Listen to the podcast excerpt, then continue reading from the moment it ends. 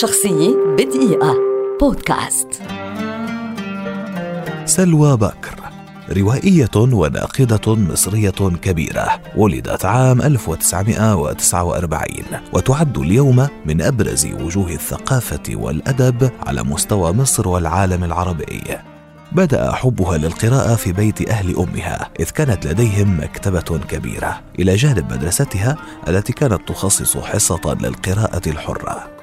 حصلت على بكالوريوس إدارة الأعمال من كلية التجارة بجامعة عين شمس عام 1972 وانخرطت أثناء دراستها الجامعية في الحركة الطلابية. عينت عام 1974 مفتشة تموين وظلت في عملها هذا حتى عام 1980 وكانت قبل ذلك بأربعة أعوام قد حصلت على درجة الليسانس في النقد المسرحي وعملت عقب ذلك ناقدة للأفلام والمسرحيات قبل أن تبدأ بشق طريقها الأدبي في منتصف الثمانينات.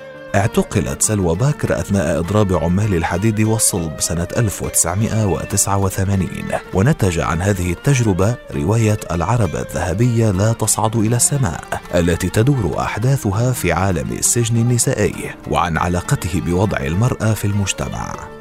تعمل سلوى باكر أستاذا زائرا بالجامعة الأمريكية في القاهرة منذ سنة 2001 يدور الكثير من أعمالها الأدبية في أجواء تاريخية. ولها العديد من الأعمال القصصية والروائية لعل أبرزها رواية البشموري التي صنفت ضمن قائمة أفضل 100 رواية عربية في القرن الماضي. ومن أعمالها أيضا نذكر حكاية بسيطة سواقي الوقت الصفصاف والآس حلم السنين وإيقاعات متعاكسة.